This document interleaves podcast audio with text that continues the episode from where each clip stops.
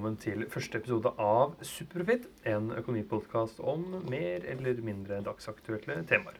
Hensikten vår det er å prøve å komme med noen eh, analyser om hvorfor vi handler som vi gjør, sett fra en økonoms synspunkt. På veien så skal vi nyte en øl hver gang, som vi kommer tilbake til på slutten av hver episode. I panelet så er det to eh, tidligere og to Én tidligere og to nåværende NHH-studenter, nemlig Jon Bleksa. God dag. Ole Kristian Dyskland. Hallais. Og meg, Fredrik Tonning. Um, vil dere starte med å fortelle litt om dere selv og bakgrunn og interesseområder? Ja, jeg kan, eh, kan starte. Jeg har gått uh, på NHH, korrespondent med det, og um, derfor òg litt av interessen for denne podkasten snakke om litt uh, dagsaktuelle problemstillinger i lys av økonomisk teori.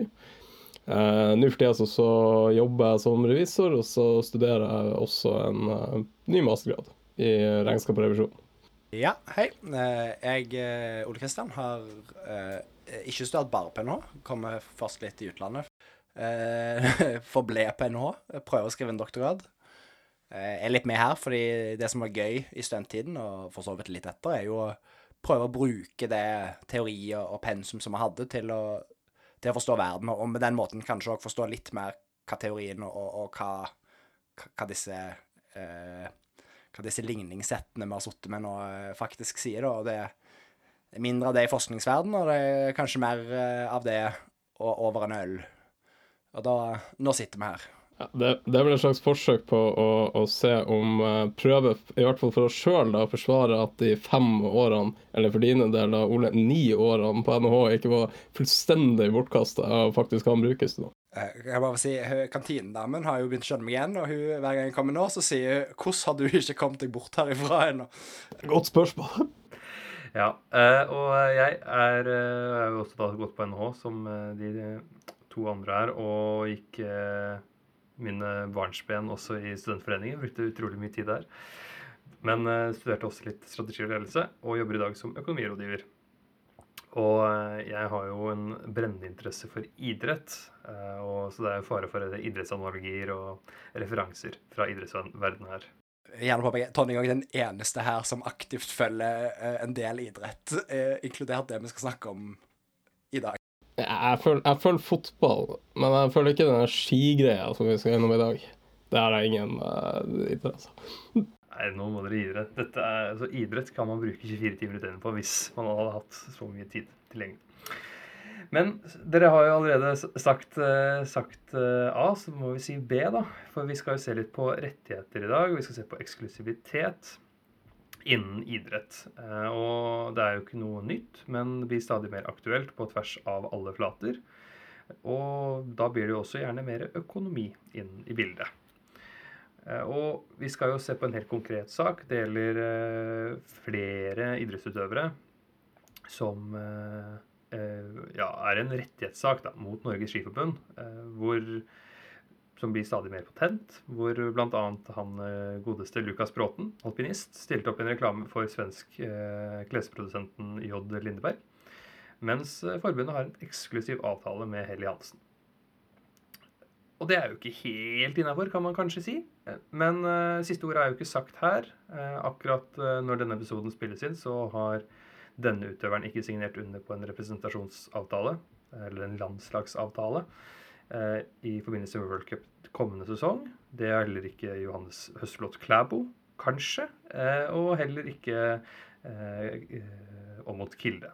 Så noen av Norges aller største menn er med dette ordet usikkert om de skal delta i neste års World Cup. Men hva betyr det egentlig? Det skal vi jo prøve å finne ut av. Men kanskje en liten sånn backstory først hvis jeg får lov til det, gutter, om, eh, om hvorfor dette kanskje er litt ekstra interessant. For eh, eh, man snakker jo her om eh, det som går på en landslagsavtale. Og hvorfor er det relevant? Og det er jo det her fordi at i noen idretter så er det sånn at det er forbund som får lov til å delta, og ikke enkeltindivider. Du kan ikke bare fritt melde deg opp og si at uh, Fredrik Tonning han har lyst til å stille til World Cup alpint. Skal stå ned Kitzbühel på søndag, eh, hvis eh, det hadde jeg lyst til i dag.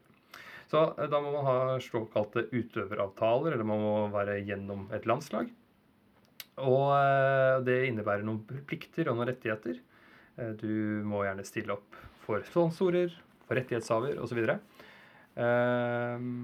For å ja, dekke opp den sponsoravtalen som, som er inngått. Det er gjerne en eksklusiv avtale i tillegg, som gir gode inntekter for forbundet. Så er jo da spørsmålet Er denne eksklusiviteten til sponsorene og kravene de stiller, eh, til gunst eller ugunst for utøverne? Og det er jo eh, eh, noe for de aller beste vil jo kanskje ha enda bedre markedsmuligheter hos energidrikkselskaper, andre klesprodusenter, matprodusenter osv. Så, videre. så her står kampen per i dag, i hvert fall grovt sett. Så hva tenker dere aller først da, på at, eh, at utøverne selv skal få mer innflytelse over de kommersielle inntektene knyttet til den som person? Sånn helt overordna.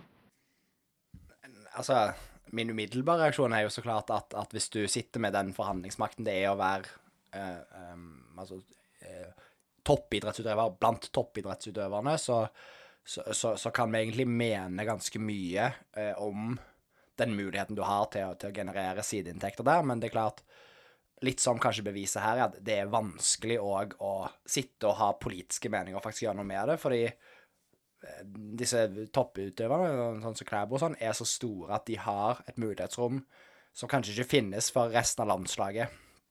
Um, og da begynner du å komme inn på veldig sånn litt rare effekter, hvor, hvor vi så klart har på en måte i mer de private cupene og sånn, så, så har du jo lag og litt forhandlingsmakt der, så du kan eh, Kanskje i fotball er dette mest relevant, for det er der det er veldig mye penger, men men hvor du kan stille lag opp mot hverandre, og du kan få de vilkårene du trenger. Da får du jo noen lag som bare har toppfolk, for de har pengene til det, og så noen som, som blir på bunn. Mens på landslag så er du jo begrensa i mye større grad av Sånn som jeg har forstått det, så er det vel statsborgerskap eller noe sånt som på en måte ligger litt ish hvordan man skal delegere det. I teorien så burde det kanskje vært sånn, men det er klart, det, det, det, det gir jo på en måte um, landslaget veldig mye makt da, over å forhandle her. Um, og, og der får du disse litt sånn eh, perverse utfallene, hvor så klart um, Vi kan like å tenke på et landslag som, som på en måte en sånn uh, velferdsmaksimerer for, for, for fellesskapet. De skal representere Norge, de skal gjøre det som er best for alle. Men til syvende og sist så er det jo penger Altså, det er businesser som Iallfall etter New Public Management-modellen skal tjene penger selv, og helst gå i pluss, ikke sant, og litt sånne ting. Og da, da vil de alltid prøve å trekke ned toppfolkene, fordi at de kan tjene veldig mye penger på å selge sine topputøvere til Helly Hansen, f.eks. Mens topputøverne vil da kanskje stille spørsmål hvorfor skal jeg betale denne royaltyen til landslaget når jeg kan gjøre det bedre selv. Um, og jeg Altså, politisk så er det jo et spørsmål om man skal, vil akseptere det. Sosiologisk så er det vel et spørsmål om man bør, eller om man skal ha en sånn nasjonal identitet. Jeg har sympati for de argumentene. Ser ikke egentlig et problem med at landslaget forhandler forskjellige avtaler med forskjellige utøvere, spesielt hvis noen har veldig attraktive utsidealternativer. Eh, Men jeg tror Jon eh, hadde noe han ville si. Ja, jeg, jeg bare tenker Jeg syns, det er litt sånn interessant at um, det er vel egentlig ikke noe debatt rundt denne saken, men man kan jo på en måte gjøre noe Litt sånn argumenter for at det er litt sånn unorsk, da. Uh, for vi er jo Altså, idrett fungerer jo på en sånn måte at uh, det er toppen du skaper penger, og så må de pengene der på en måte trickle down til, til breddeidrett og barn og hele pakka.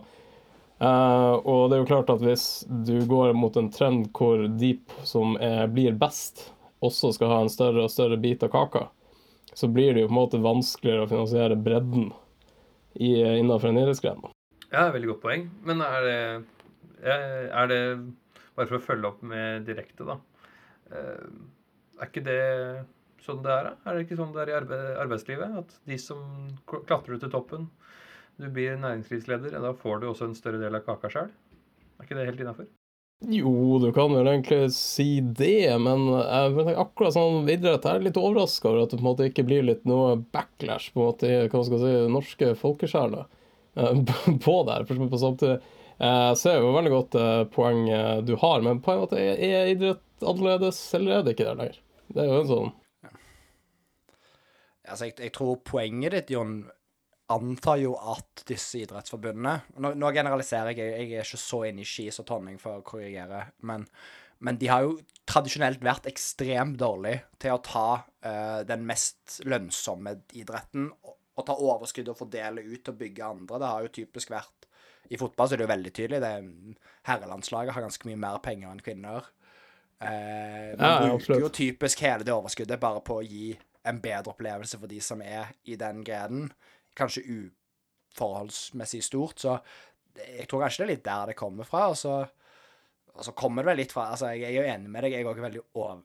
Vel, jeg tror det har blitt en debatt, fordi jeg har lest om dette i alle norske aviser, men, men, men det er jo Jeg mener det er en veldig norsk ting egentlig òg, å, å tenke at vi skal begrense folk eh, for fellesskapets beste. Det, det er jo sosialdemokratiet på sitt ja, noen vil si beste. Jeg tror vi tre er kanskje enige på sitt verste. Um, um, handler jo om å holde folk litt igjen, fordi det er bedre for fellesskapet at, at, at, at man reduserer på en måte avstander mellom folk. Og det, det er jo det de prøver på her. Jeg, eh, jeg tror dette kan gå galt for ikke, altså, jeg, jeg tror denne saken blir sikkert løs fordi det har blitt medieoppmerksomhet, men jeg tror etter hvert så vil du se at folk bare ikke vil representere Norge lenger. Og det er klart, det er jo alternativet en del av disse her til en viss grad. Nå forstår jeg det på sånn egentlig at de må signere denne representasjonsavtalen eller noe sånt. Um, så for så vidt òg, bare for å få klage litt uh, Er det et eller annet sånn lovutvalg de kaller seg, som har uh, konkludert i denne saken? Som ikke er et lovutvalg, uh, fordi de har ingen ingen makt, noe som helst, i noe rettsvesen og noe de skulle ha sagt. De skriver ikke lover for storting, eh, eller eh, stortingsproposisjoner, er det vel dette? Eh, så det er ganske irriterende at de kaller seg det, for det tok meg litt tid å innse at idrettsverden bare faker det, fordi, sikkert fordi det høres ut som en alvorlig ting som folk skal forholde seg til. Nå tror jeg begge to har ville svart meg. Tonning først, så Jon. Jeg kan jo um, ta det, første, det siste først. da, at altså, Lovutvalg det kjenner vi vel godt fra studentforeningen på NHO også, at uh, her er det jo bare å fri, frimelde litt. Men, uh, men der er det jo faktisk jurister som sitter inne i lovutvalget til Skiforbundet, da, skal sies. Um, uh, og, og, og hvis jeg ikke husker helt feil, så sa vel de også at, at rett, altså, utøverne hadde faktisk rett, skulle ha rett til å selge mer av sin egen Altså de burde ha et større eierskap til sine egne rettigheter, da. Og det er jo kanskje litt sånn hvis man skal ta litt vekk fra, fra Altså tenk på utøveren selv, da. Altså de har en karriere på øh, et best kanskje 15 år. Og så er de arbeidsløse. Da må de, hvis ikke de har funnet noe annet, eller noe, så må de på Nav eller få seg en utdanning og starte på en måte der som vi har vært, da. Eller, eller begynne å produsere sportsklær og så flytte til Sveits. Det er jo et alternativ. Eller Bø i Telemark. Ja, ja, ja. Nei, Bø, Bø i Nordland. Bø i Nei, Nordland. bør vente. Ja. Mm. Ja. Eh, eh, og ja, det er for så vidt innafor, det òg. Men, eh, men, men sånn sett fra deres synspunkt, da, så ville jeg jo tenkt da at OK, jeg har en karriere, den varer så mange år. På den så må jeg maksimere min egen inntekt. Altså dette er hva jeg skal leve av når jeg er, når jeg er ferdig. Så jeg, jeg skjønner jo godt det, at de på toppen ønsker å få en større del av kaka. Det tenker jeg er helt naturlig. Ja, tenker, det, det er jo veldig rasjonelt. Det er jo sånn vi forventer at folk oppfører seg. Uh, men jeg tenker bare dra litt til det Ole snakket litt om tidligere, på at uh, litt sånn hvordan de Hvem som har makt i det spillet. Så sånn som jeg skjønner, så er det vel i langrenn da egentlig de nasjonale forbundene som egentlig sitter med makta for hvem som får lov til å utøve. Uh, Innafor der, Og sånn det tar de jo egentlig makt å si nei, vi skal ha hele, hele kaka. Eh, og det er en liksom gøy parallell eh, når jeg så litt på det temaet, det er jo faktisk i USA. eh, som vi jo tenker på som eh, Land of Liberty eh, med mer. eh, hvor eh, i college-sportsverden så er egentlig normen der at du har forbud eh, mot å inngå private sponsoravtaler at all. Altså selv, Det trenger ikke være noen konflikt med det her college-laget ditt. Du, du har bare ikke lov til å selge navnet ditt så lenge du er collegeutøver. Uh, og der er det i, det ruller og går, det rettssystemet. Det har en fair play to Pay Act eller et eller annet som nylig ble innført i California. Uh, som bare viser, Men der er det jo òg det at det er collegene som på en måte har så eierskap på konkurransen at de kan sette de vilkårene da, og på sånn sett ta profitten. Men, men, det er klart um, altså College-sport i USA er, er, til og med sånn jeg har fatta interesse for tidligere. Um, men, men, for den store fordelen de gir til sine utøvere, som gir dem mulighet til å stille så strenge krav, er jo at veldig mange av de idrettsutøverne det omfatter, er fra så fattige får at det finansierer utdanningen deres. Og, og, og det skal dere ha. Det college sport har òg den ideen som vi ikke driver med i Norge, at du sitter igjen på slutten med en grad som du da kan ta med ut i arbeidslivet og selge. Eh, på en måte I Norge så trekker vi folk ut fra hele utdanningssystemet formelt. Um, som, som, hvis man skal være litt vågal, vil du si at et betraktelig mindre progressivt system. Uh, samtidig som de som blir toppidrettsutøvere i Norge, nok sannsynligvis i snitt kommer fra en høyere sosial klasse enn de gjerne gjør i deler av USA òg, for så vidt. da. Um, kanskje med unntak av ski, for så vidt. Uh, vel typisk sånn Aspen-opplegg. Um, så, så, så, der stiller jo forbundet, eller collegeforbundet, med en litt større makt, bare fordi uh, de får finansiering til en grad på slutten, en grad som òg veldig mange betaler fryktelig mye for, for å få. Um, jo, jo, det, det, er jo riktig, men det er jo de samme faktorene på en måte som spiller inn her, da. I og med at du har på en måte et monopol på konkurransen.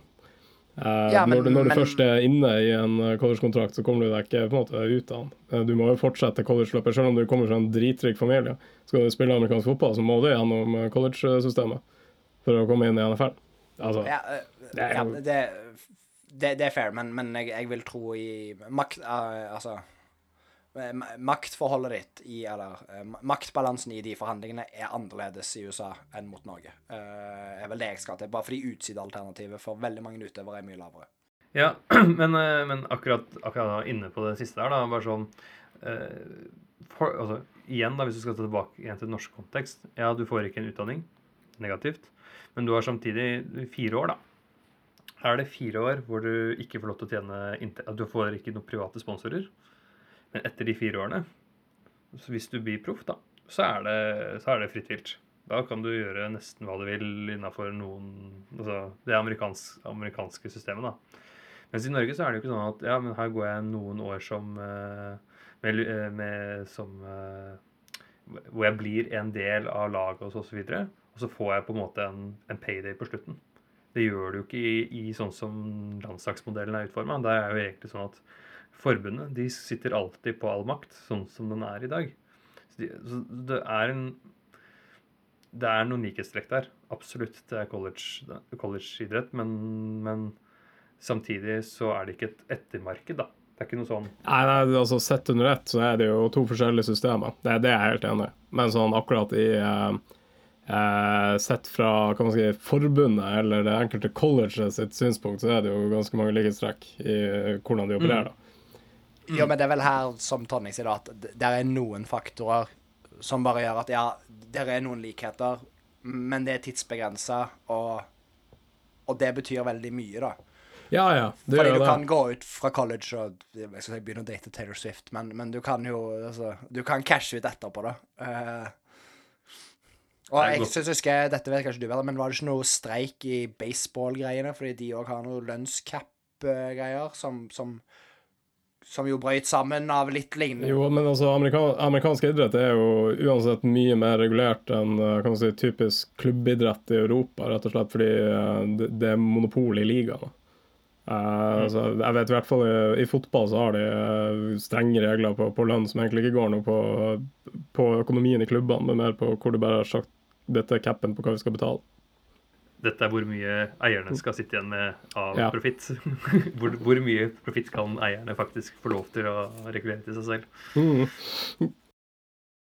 Det er jo kanskje problemet her da, at eh, eierne er staten som regulerer. Eh, og hvis det er én ting vi vet at den norske stat er veldig god til, så er det jo å regulere ned andre til egen favør. Eh, eh, spesielt med den aktive eierskapspolitikken vi driver med litt mer generelt òg i dette riket vårt. Mm, men hvis vi, hvis vi tenker eh, hvis vi, hvis vi, snur litt om på det, og så sier han sånn Ja, eh, akkurat sånn som det er nå, så er det en eh, Forbundet sitter med all makt. Og så har man mange utøvere, som, eller i hvert fall noen utøvere, som er misfornøyd med den sånn som det er. Og i et annet, hvis man ser det i et annet næringsliv, da, så er det jo sånn at eh, altså hvis du ikke klarer å følge med i trendene, så blir du utdatert. Altså, tror dere at vi kommer til å se altså i, I fotball blant annet, så er det jo nå ser vi blant annet at det er flere og flere eh, av de nye unge eh, som følger med, de følger ikke med på lag lenger. Der er det spillere. Der er det Ronaldo, det er eh, Messi. De følger, uavhengig av hvilken klubb de er med i. Hvis vi tar det over til eh, landslagsidretter, altså alpint Jeg ser ikke på Norge, eller jeg ser- på Åmot Kilde. Jeg ser på Lukas Bråten. Jeg ser på Høstfold Klæbo. Jeg gidder ikke se på de andre. De driter jeg i. Vil man da, altså, vil det være en sånn, sånn situasjon for forbundene nå at ok, hvis de ikke gjør noe, hvis de bare er sånn Nei, men vi sitter med all makt. Vi gidder ikke gjøre noe. At de blir utdaterte. Man oppretter superligaer innenfor eh, langrenn og, og alpint eller andre som resultat. Ole Kristian? Um, jeg tror Jon hadde en kommentar. Den skal kanskje ta prioritet. Nei, det var egentlig bare en sånn kort poeng, men altså, sånn som akkurat i langrenn, så er det vel en såpass nisje og liten sport at på en måte Klarer du å lage noe på utsida på en måte uten at du egentlig får med deg norsk establishment? Jeg har vel fått inntrykk av at, at i skisporten og sånn, så er det vel landslaget som på en måte er den store greien veldig ofte. Altså på en måte hvor eh, I fotball så er kanskje landslaget, i alle fall hvis du er fra Norge, mindre viktig enn en, en, en hvis du på en måte spiller for, for City eller noe sånt. Uh, mens ehm, jeg, tror noe av problemet her er jo, er jo at vi har vi har spilt opp en del sånn eh, superstars eh, veldig mye. Eh, Det, det, det har vi gjort i veldig mange næringer. Det begynte jo i, i Hollywood. Um, fordi det er en veldig god markedsføring. Du får veldig mye seere. Og, og, og en del av disse um, vi, vi tenker gjerne ikke på de som jeg sa tidligere, på landslag og sånn, som, som bedrifter. Men, men hvis vi skulle gjort det, da, for en del av valgene de tar nå, det ser vi mye av de kontroversielle valgene, det er jo rene bedriftsøkonomiske valg de egentlig tar, som handler om å balansere utgiftssiden sin, som er typisk da eh, investering i, i ung talent, i, i den biten, og så er det jo lønn til, til, til, til utøverne, og så er det en inntektsside. Eh, det er jo en reklameinntektsside. Eh, og den ehm, Den reklamen, altså den det, Hvor mye de får i reklame, er jo avhengig av to ting. Det er jo hvor mange som ser på, som igjen er avhengig av hvor store talenter har du. Um, og litt andre ting. Så, så, så man kan tenke at før så så vi gjerne Tenker NRK monopoltid, så så man gjerne på TV litt fordi du heier på Norge. Det er en del av nasjonalidentiteten. Da er vi òg veldig langt tilbake i tid, i en tid hvor det var mye Nå blir jeg litt mer enn økonomi, kanskje litt mer sånn sosiologiaktig her, altså. Komme tilbake til økonomien. Um, da hadde vi kanskje en periode hvor det var veldig mye fokus på, på nasjonal identitet, gjenoppbygging etter uh, noen verdenskriger, noen kalde kriger, hvor det var veldig tydelig hva identitet du hadde, og litt sånn. Og så har vi kommet over i en veldig sånn liberal, individualistisk etter hvert, og det, og det har hatt veldig mange fordeler. Vi har fått veldig mye materiell gode fra det, men det har jo ført til at et veldig stort fokus har vært på å fronte enkeltfigurer, for en del forbund spesielt, som de har kunnet gått til reklamesiden og si både på en måte reklame på TV, altså, som mediene har vært med å fronte dette, men òg forbundene sjøl, og sagt se disse stor, storfavorittene, eller de aller, aller beste, ikke sant. Vi selger de. Tilgang til de er verdt mye for seerne, og tilgang til mange seere er verdt veldig mye for reklamesiden, så da klarer du å få veldig mye inntekt på det. Eh, Det er det som i økonomien er, er på en måte en, en digital plattform, da, hvor du, hvor du egentlig bare tjener penger på at to andre grupper, utøvere og spillere og reklame, vil møte hverandre eh, underveis. Og, og, det har kanskje gått litt langt hvis du vil opprettholde modellen med, med landslag og mye makt der og sånn, fordi da blir det en bitte, bitte liten prosent på toppen em, som, som på grunn av at det er veldig liten plass i den superstar-kvoten, uh, får Altså, de kan være marginalt bedre enn nummer to, men ut av det få uh, en, en eksponentiell høyere verdi på en del sider. Så Det er jo argumentet for å virkelig holde igjen, men det er jo òg det som har gitt de da. Rett og slett, vil jeg påstå, som et valg, eller som et resultat av en del valg som er tatt av forbund og samfunnet selv, som gjør at de nå står og kan med rette si jeg er verdt veldig mye mer utenfor dette, dere må betale bedre. Um, og jeg, jeg vet ikke om det er noe sånn moralsk etisk, jeg bare forholder meg til det som virker som den reelle situasjonen her, da, at vi kan få ganske store konflikter. Men jeg, jeg bare, bare for å prøve å poke litt hull i eh, sosiologiforsøkene dine.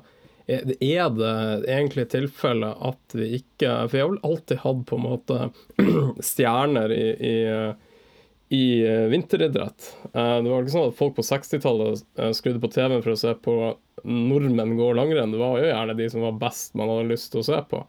Og så tenker jeg vel, Det er vel litt mer at det har vært lettere i nyere tid å faktisk kommersialisere produktet langrenn, og da kommersialiserer du de beste. Og så blir det en litt sånn spiraling effekt, fordi det blir mer interesse, men det blir mer interesse for å se de beste. Og det er egentlig det du selger, og det blir mer tydelig. Ja, jeg, jeg tror jeg ser på det ikke som å poke hull, men bare en, en spesifisering av um, uh, unøyaktighet i min, in min forklaring. At uh, spesielt siden vi fikk Altså, vi gikk bort fra NRK-monopolet. Så, så, så vil jo reklamemarkedet ha blitt viktigere, og, og min tese er jo da at det er reklamemarkedet i stor grad som har drevet dette, og at forbundet har tjent grovt mye på det. Eh, Hvis de sitter og er fattige nå, så er det fordi de har misbrukt de pengene. Eh, jeg tror ikke Skiforbundet eh, sitter med lite penger på bok, men, men ja, så, så, er at jeg er enig med deg. Mm. Vi må etter hvert runde litt av her, men jeg, bare, jeg har lyst til å bare Et siste spørsmål jeg har til dere. Og det er jo Si at vi nå ender opp med å endre på reglene. Vi skal eh, gi mer med rettighetstilgang til eh, Lukas Bråten og Aamodt Kilde og, og Klæbo.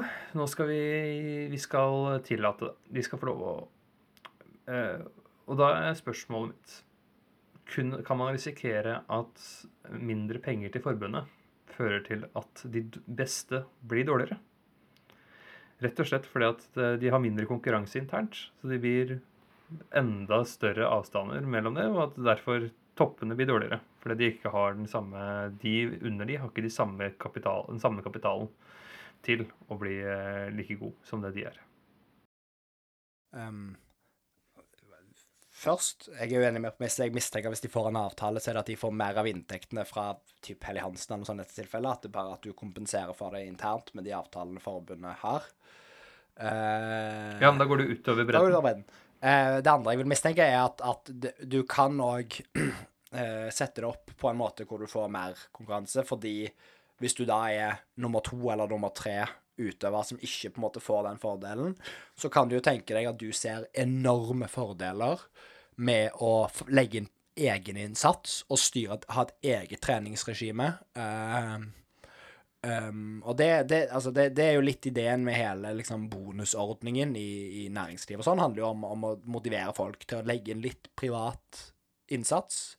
Ordne litt ting selv ut fra på en måte egen interesse, egen tid og, og ressurser. Og så jeg, jeg, jeg mistenker at de kan finne på å ødelegge ting eh, fordi de er staten, og de kan finne på å gjøre det på en måte som som kanskje skaper enda mer og enda tøffere konkurranse på toppen.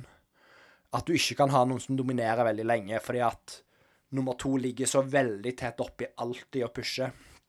Um, så det vil være min.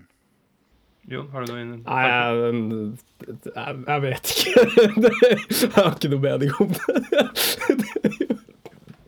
Ja, men det er, det er lov, det òg. Jeg, jeg syns det er altså, sånn Personlig da, så, så er jeg liksom Jeg vet ikke hva, hva det kan si Altså, Man har hatt den landslagsmodellen i så mange år.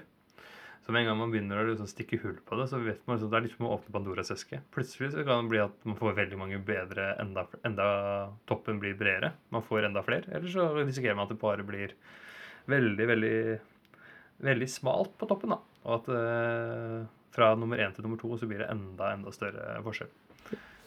Jeg, skal så jeg, Nå har ikke jeg sett så mye ski de siste ti årene, men mitt inntrykk er jo litt at uh, interessen er litt fallende, og at allerede konkurransen begynner å bli ganske dårlig sånn internasjonalt. Så sånn sporten generelt burde vel egentlig se på en måte å fornye seg på. Og så kan det godt hende at i framtida at ski er kulere om man har et mer sånn Tour de France-format på greiene, og at det er lag med ja, folk fra forskjellige land med forskjellige preferanser som uh, går sammen for å konkurrere. Kan godt hende det blir et bedre produkt. Det er jo mulig å se for seg. Man har det litt i langløp. Der har man eh, ish der. Da har man lag på mye mer måte som er kommersielle lag. Mm. Så absolutt. Det, det kan være en vei å gå, det. Altså, du argumenterer jo litt for sånn trepartssamarbeid i, i sporten. Uh, og det, det er jo en veldig norsk modell, uh, modell det. Eh, men, men, eh, men for å ta igjen Jeg vil påstå at, at det å gi veldig mye individuell konkurranse um, Altså um, Hvis du ser til USA, da, som jo ofte er de som har individuell konkurranse på mye, de, de klarer seg på veldig mange områder. Og det er direkte en funksjon av at de er fryktelig mange mennesker, og at de klarer å tiltrekke seg veldig mange smarte mennesker. Uh, eller topputøvere, eller topp, topp i sine felt, uansett hvor det er på en måte Norge ikke vil klare. Men, men jeg tror òg du, du, kan se at hvis man i litt større grad faktisk legger opp i sporten til, til at det skal være enda hardere konkurranse om å komme på topp, og, og, hvis du er på topp, så skal det være en skikkelig payoff der, en slags bonus, eh, så kan du se at Norge gjør det bedre på andre områder òg. Eh, men det krever kanskje en litt annen finansieringsmodell enn hvor vi tar sporter hvor vi har fått gull i løpet av de siste tolv månedene, og så putter vi masse penger der. Eh, og så må på en måte folk bygge seg opp selv for å komme dit, og så er de sikra inn etterpå. Um, men men uh, dette er jo en veldig spennende sak, for det er en veldig Sport er jo en veldig unorsk ting, egentlig, i Norge. Det er det eneste området hvor vi setter veldig pris på folk som er bedre enn andre, og vi omfavner det. I, i, vi har ikke noe toppidrettsvideregående eh, eller noen sånne ting, på en måte vi har på sport.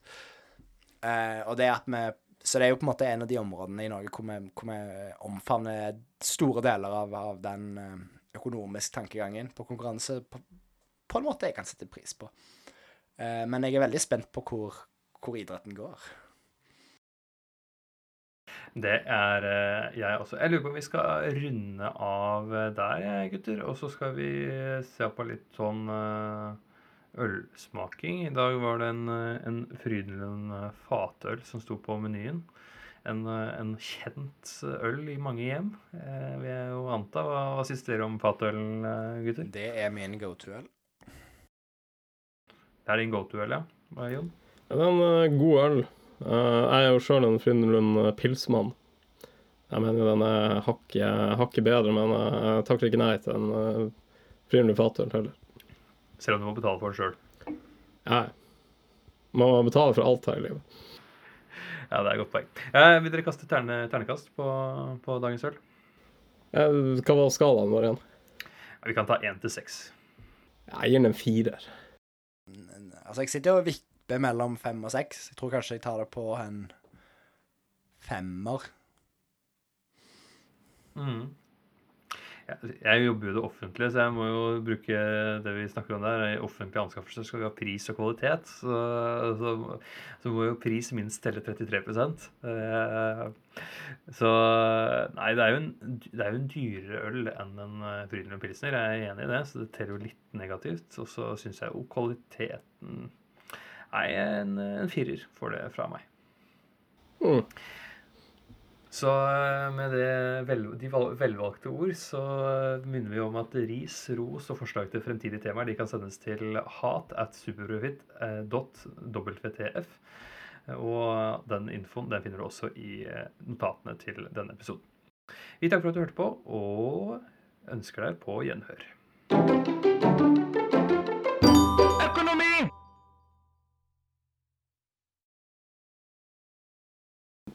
Jeg kan uh, nå avsløre det, det jeg hadde brukt tid på å lese på, som jo egentlig ikke handler om saken i det hele tatt, var forskjellen på inntekt hvis du får det fra lønn, som å gå på ski, versus kapitalinntekt, som i royalty på bildene dine.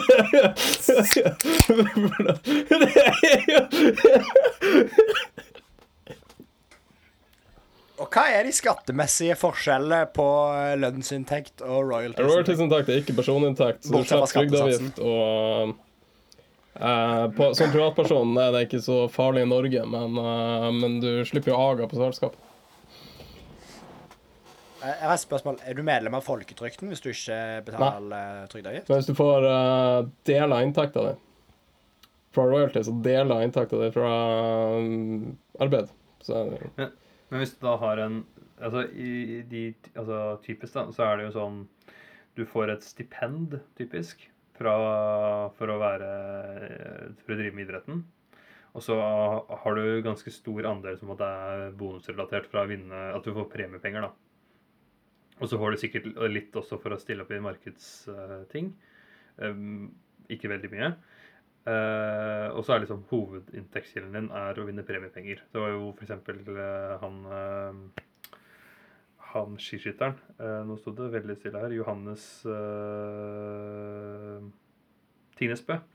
Eh, han hadde jo Altså, skiskyting har ganske mye Det er stor publikums... Eller mye penger egentlig da, til å være skiidrett. Og han tjente jo flere millioner i, fordi han vant alt.